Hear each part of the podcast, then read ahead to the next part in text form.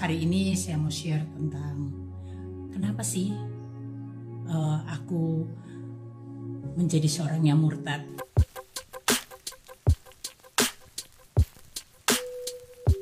Nah, sesuai dengan latar belakang foto saya ini, ini foto kurang lebih sekitar 11 atau 12 tahun yang lalu.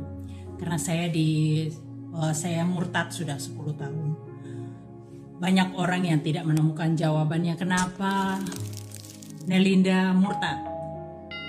Banyak sekali yang bertanya dan hari ini aku bikin videonya biar kalian tahu kenapa saya murtad. Karena mereka tahu bahwa aku orang yang tidak percaya pada Yesus Kristus. Aku bukan orang yang percaya pada Yesus Kristus. Aku seorang muslim yang taat, sholat lima waktu, tepat waktu, berpuasa di bulan Ramadan. Saya orang yang rajin puasa Senin Kemis dan saya rajin berwirid. Sehingga banyak orang yang tidak percaya, kok bisa Nelinda kok murtad?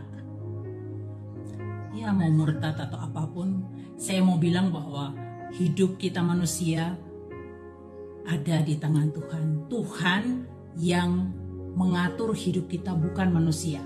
Jadi uh, tidak usah Anda murtad-murtadin saya, kafir-kafirin saya soal mati saya, hidup uh, mati saya, masuk neraka atau masuk surga. Itu adalah kuasa Tuhan. Dan saya percaya saya diselamatkan karena saya percaya pada Yesus Kristus. Nah ceritanya begini. Hmm, saya punya seorang teman dari Bali, namanya Bu Ayu beliau seorang Katolik uh, dan pada waktu dia datang di saya dia sedang punya pergumulan dan dia minta tolong sama saya untuk mengantarkan dia pada seorang teman sepasang suami istri teman saya yang uh, pendoa di Temanggung. Jadi saya telepon dokter Lisa. Dok ini ada Bu Ayu mau minta didoain dia punya pergumulan. Hmm, Oke okay, katanya besok aja datang. Jadi besok saya ke sana, saya ngantarkan ke sana dan sebelum ke rumahnya beliau berdua, saya mampir sholat asar dulu karena saya belum sholat asar. Saya sholat asar dulu baru saya ngantar dia. Dan ketika sampai di tiba di rumahnya beliau, uh, Bu Ayu sharing dengan mereka dan saya duduk terpisah tempatnya dengan mereka. Kemudian uh, saya dengar dokter Irawan bilang, mah mari kita doakan Bu Ayu. Jadi saya melihat mereka berdua menumpangkan tangan di atas kepala Bu Ayu mereka berdoa dan saya hanya melihat aja gitu oh begini cara orang Kristen berdoa. Tapi tiba-tiba ada suara yang bisikin di hati saya. Orang berdoa kok kamu mentelem saya ada rasa malu terus saya merem aja. Tapi bukan berarti saya ikut mereka berdoa no. Tidak. Ketika saya merem itu saya merasakan ada juga orang menumpangkan tangan di kepala saya. Saya pikir ibu dokter Lisa atau dokter Irawan ngapain? Kan aku nggak minta didoain. Kenapa mereka doain aku? Aku pikir gitu. Ngapain sih orang Kristen nih? Aku pikir gitu. Terus aku coba micingkan mata saya untuk melihat kakinya. Kan bisa terlihat kakinya dokter Lisa atau dokter Irawan. Saya micingkan mata saya dan saya melihat jubah putih yang bersilau.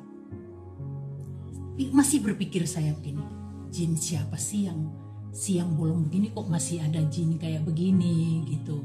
Siapa sih? Penasaran saya dan saya mengangkat wajah saya untuk melihat. Dan benar-benar saya buka mata saya. Saya mau lihat wajahnya dengan jelas. Jadi saya tidak micingkan mata lagi saya langsung melihat gitu. Dan saat saya melihat dia di saat itulah saya lemas badannya seperti tidak bertulang dan saya terjatuh dari sofa. Saya tersungkur jatuh. Yang saya lihat adalah Yesus Kristus Wajahnya seperti yang saya kenal waktu saya kecil dulu. Wajah itu tidak asing buat saya. Dan orang inilah yang datangin saya empat tahun sebelum hari itu. Empat tahun berturut-turut, dia selalu datang di tidur saya. Tapi saya selalu reject. Karena saya pikir itu kan hanya mimpi itu kan bunga tidur. Dan saya tidak mempercayai itu. Jadi saya reject dari pikiran saya dan saya tidak menganggap sesuatu hal terjadi akan terjadi.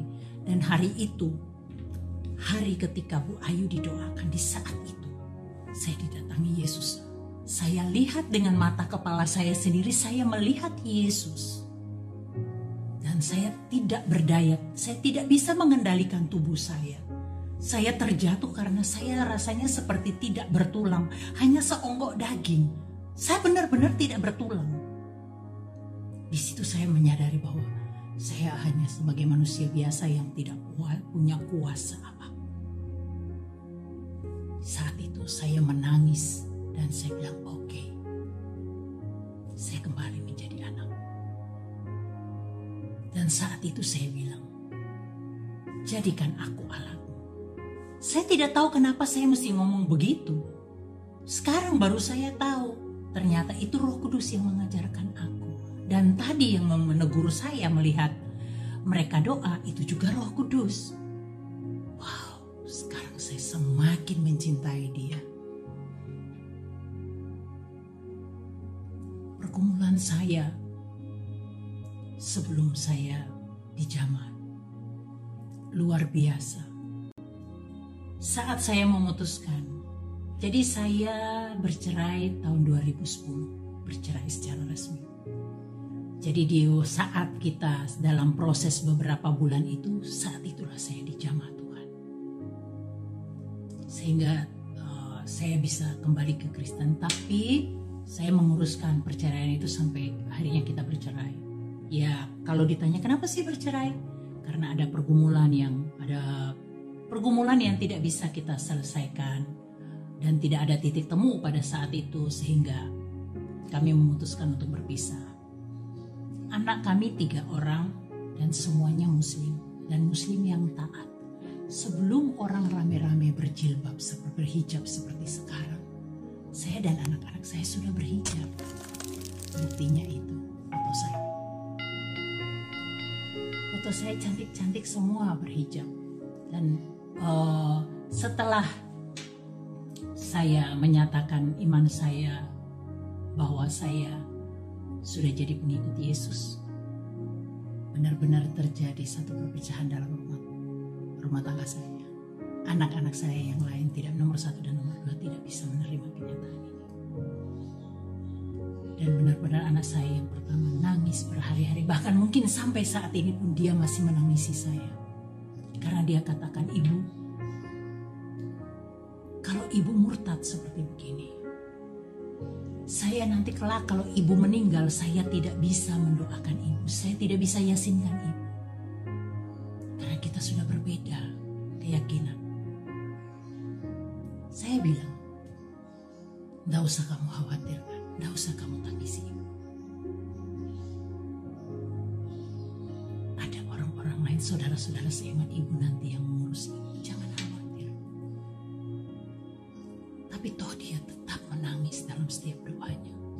sujudnya dia bilang, dia menangis. Bukan hal yang mudah saya. Bukan hal yang mudah. Dan setiap malam saya berdoa Tuhan, selamatkan anak cucu saya. Selamatkan mereka Tuhan. Jangan kau biarkan mereka berjalan ke dalam di dalam sampai terjatuh di dalam jurang kekelaman Tuhan. Tuhan selamatkan mereka. Aku percaya kalau Engkau menyelamatkan aku, Engkau juga akan menyelamatkan anak cucuku karena Engkau sudah meteraikan mereka dengan kuasa darah. biarkan mereka tersesat Tuhan. Satu pergumulan yang berat buat aku. Karena aku bisa mendoakan orang lain. Tapi anakku sendiri, darah dagingku sendiri, bagaimana?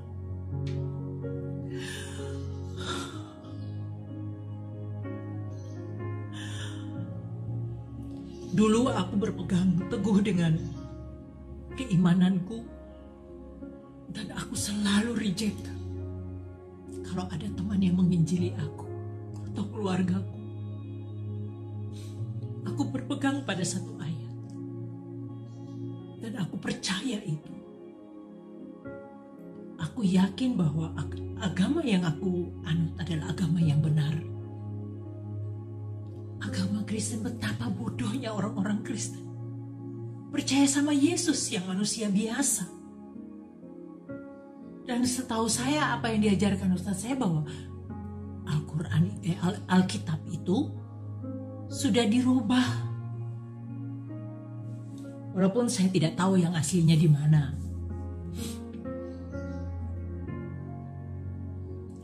Saya bukan orang yang percaya kepada Yesus. Karena saya berpegang pada satu ayat pendek dalam Al-Quran. Bismillahirrahmanirrahim. Qul huwallahu ahad Allahu samad. Lam yalid wa lam yulad wa lam yakul lahu kufuwan ahad. Allah itu esa, Allah itu satu dan tidak diperanakan. Bagaimana mungkin Yesus dikatakan Tuhan? Bagaimana Yesus dipercayain sebagai Tuhan sama orang Kristen? Betapa bodohnya orang Kristen. Buktinya dia mati dan disalibkan. Kenapa dia tidak tunjukkan kuasanya kalau dia memang Tuhan? Atau dilepaskan dirinya dari kayu salib itu kalau memang dia Tuhan? Saya tidak percaya, saya bukan orang yang percaya pada Yesus. Maaf, saya bukan orang yang percaya. Tapi hari itu, saya benar-benar takluk di bawah kaki Yesus. Saya percaya bahwa dia Allah yang penuh kuasa. Allah yang berdaulat dan berkuasa penuh atas kehidupanku. Dia yang mengendalikan seluruh hidup. Bukan Tuhan yang lain.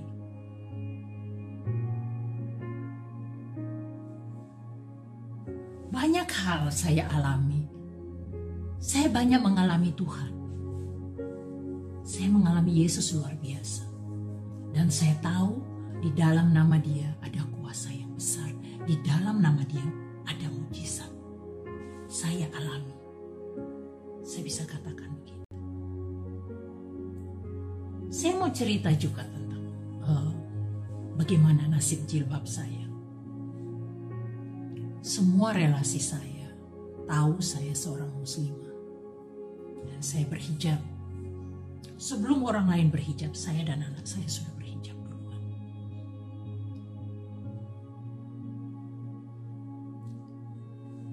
Waktu saya memutuskan untuk mengikuti Yesus, saya masuk ke gereja.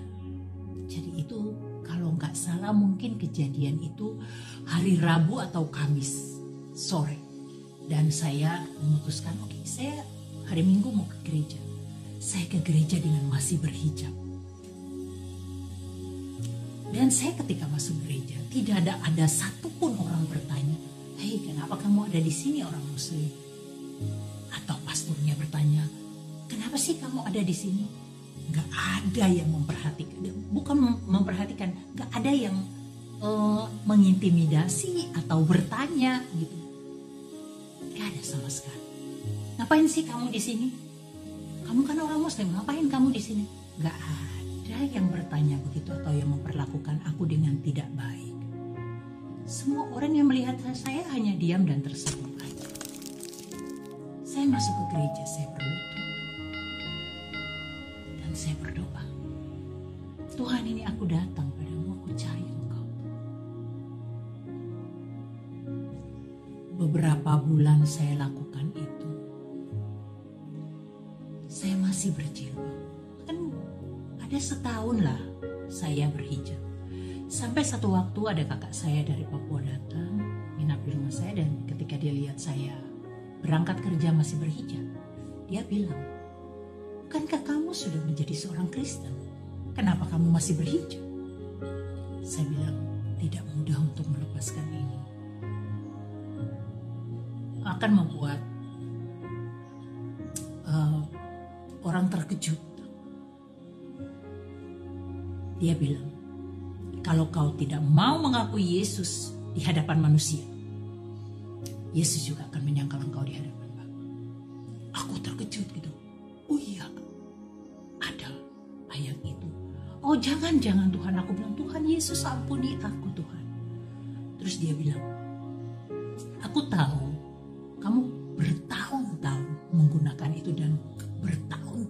puluhan tahun orang tahu kamu seorang muslim. Kamu berdoa minta kekuatan dari Roh Kudus untuk menguatkan kamu untuk bisa mengambil satu keputusan itu. Itu kurang lebih dua atau tiga bulan kemudian saya berdoa terus minta untuk Tuhan. Kasih kekuatan dan keberanian buat saya untuk menyatakan kebenaran ini. Dan akhirnya aku berani melepaskan hijab itu. Ketika aku bertemu dengan relasi saya, banyak orang yang kaget.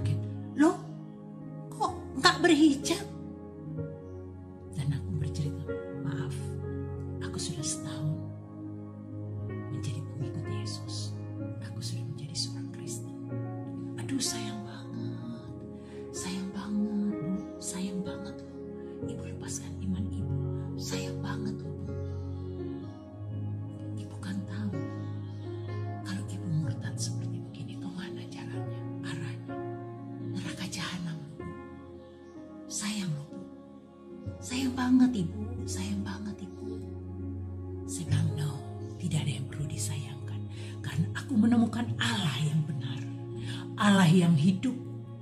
Dia berkuasa atas kehidupan saya. Dan dengan darahnya yang kudus, dia sudah meteraikan aku. Dan aku tidak akan masuk neraka jahanam. Surga tempatku. Aku bilang, aku percaya itu. Aku sudah diselamatkan. Maaf. Ada yang sampai menangis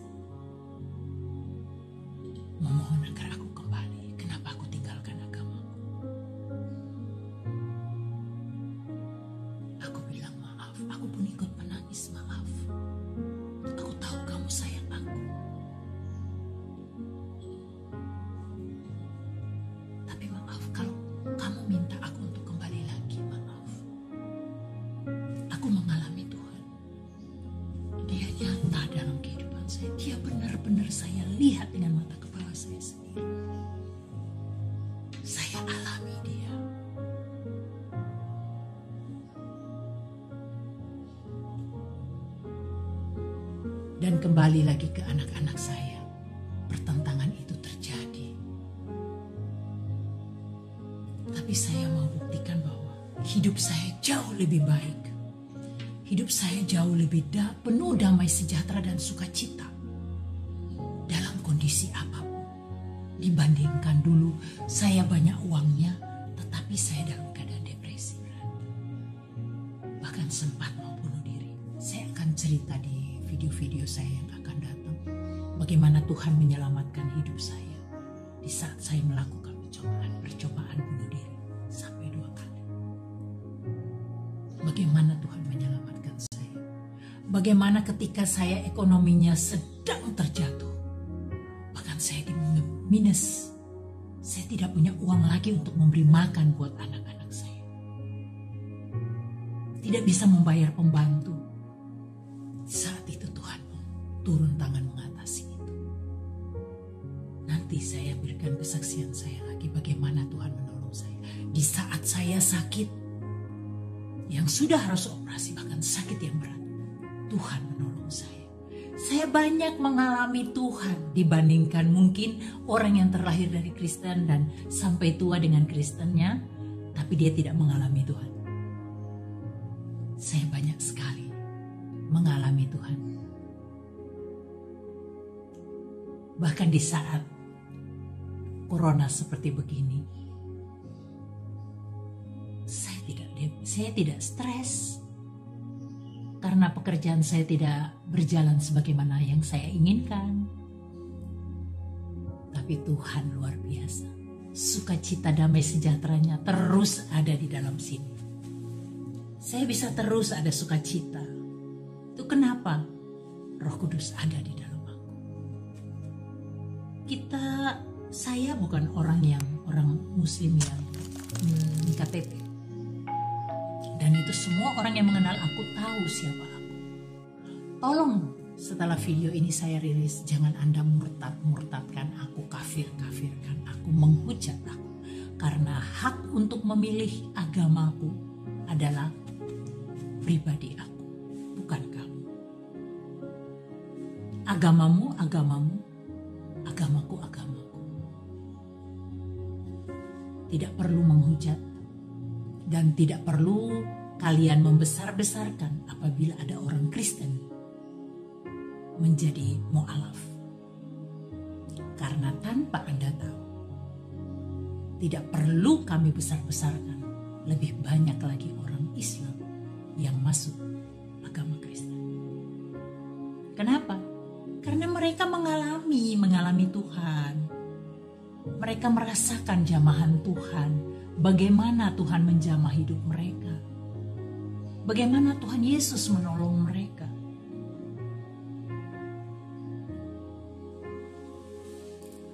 Negara ini negara Bhinneka Tunggal Ika. Milik kita bersama. Bukan milik agama tertentu. Jadi tidak perlu menghujat. Perlu mengkafir-kafirkan.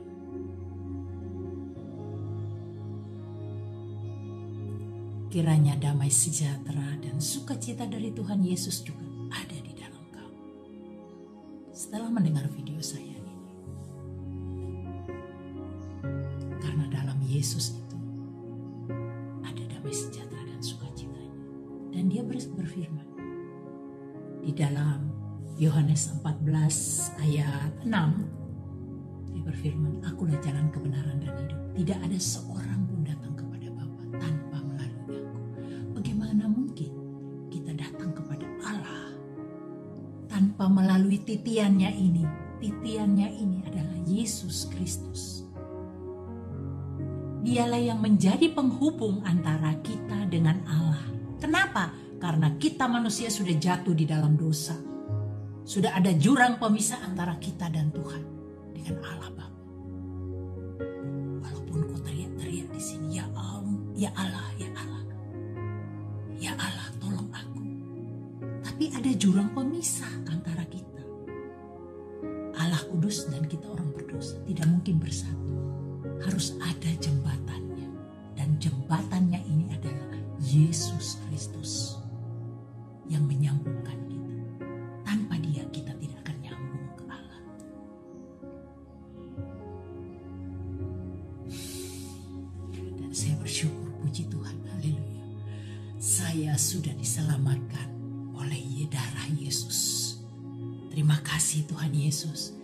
Kiranya kesaksian saya ini menjadi berkat bagi banyak orang. Yang masih ragu di sana, percayalah bahwa di dalam Yesus segala persoalanmu akan dituntaskan. Diberi jalan oleh Yesus. Bukan berarti bahwa kalau kamu menjadi pengikut Yesus, masalah beratmu jadi kamu mengalami apa ya di dalam hidup itu tidak mengalami masalah. No, justru di dalam menjadi pengikut Yesus banyak sekali masalah yang akan menerpa. Tetapi kita pegang firman Tuhan. Dia berjanji bahwa walaupun di lembah kekelaman sekalipun, aku akan menyertai engkau sampai akhir zaman. Tuhan ada menyertai kita. Jadi kita tidak perlu takut. Dalam masalah sesulit apa pun, Tuhan ada. Luar biasa Tuhan Yesus itu. Aku banyak sekali mengalami Tuhan Yesus. Aku banyak sekali mengalami dan banyak sekali berkat yang Tuhan berikan buat aku. Aku percaya kamu yang masih ragu mendengar video saya ini, kamu lebih percaya dan mengambil keputusan mengikuti Yesus jalan kebenaran itu. Jangan ragu. Jangan takut diintimidasi.